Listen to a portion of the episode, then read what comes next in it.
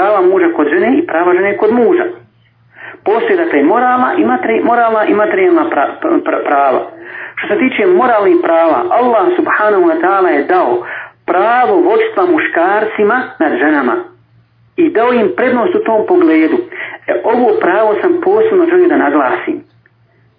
A, isključivo zbog toga što će ovaj ders, e, što će ovaj ders biti snimljen i ići će, ići će onaj u enter, dakle preko, preko vaše stranice.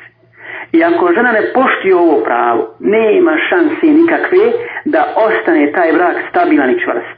Nema Allaha mi. možemo i izgledom našim ličiti na Habe, ali ako se ova prava ne budu poštivala, nema od toga ništa. Mora bi problema.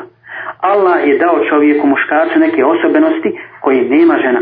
Kao što su snaga, sabor, izdržljivost, nošenje odgovornosti, e, muškarac je puno sposobnosti da bude, da bude vođa i da nosi odgovornost. E, I tako, na kraju krajeva, dokaz da je muškarac odlikovan u nekim stvarima nad ženama i da njemu pripada vođstvo, jeste poslanstvo, odnosno osobina poslanika je bila ruđulet, muškost.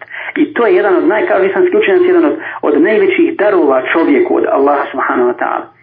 Zato ne dolikuje muškarcu da bude podčinjen ženi kao domaćin, kao, kao domaćinu, kao vladaru u porodici, a sas, i kao vladaru u državi a sasvim je prirodno da žena bude počinjena, počinjena muškarac. Dakle, međutim da muškarac bio istinski vođa, onda e, postoje pravila za to.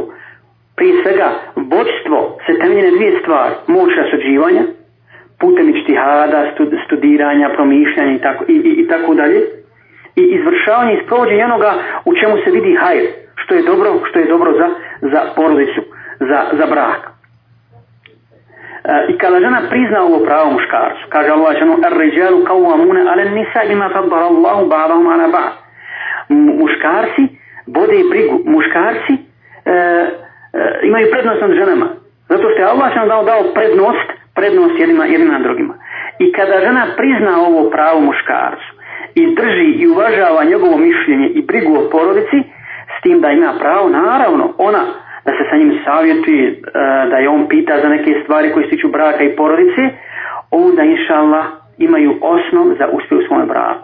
Međutim, ako žena pokuša da se umiješa u sve stvari i sva pitanja i da nametne svoje mišljenje kao prioritetno, kao mjerodavno, tada se ruši zgrada zvana bračna zajednica, odnosno porodica. I često takve žene iskoriste čak i djecu da ih pridobiju za svoje mišljenje, kako bi diskvalifikovale babu taj temelj porodici, taj temelj, po, babo je osnov, temelj porodice, on treba da bude to što žena hoće da bude. Bez obzira, nosila na hijab, nosila na nikab, klanjala, postila i tako dalje. Ako pokušava na bilo koji način, pod utjecajem raznih feminističkih ideja, posebno na zapadu i tako dalje, da, da sebi priskrbi to pravo koje joj ne pripada, koje Allah nije dao, onda će učiniti zovu prije svega sama sebi, a također i svome mužu. Tada se muž osjeća poniženim, obezvrijeđenim i tako dalje i ne može se nikako uspostaviti harmonija na tim osnovama, na tim osnovama. Dakle, to je vrlo važno pravilo Allahami. A samim tim usto ide i pokornost kao drugo, kao drugo pravo muža kod žene. Pokornost, pokornost mužu.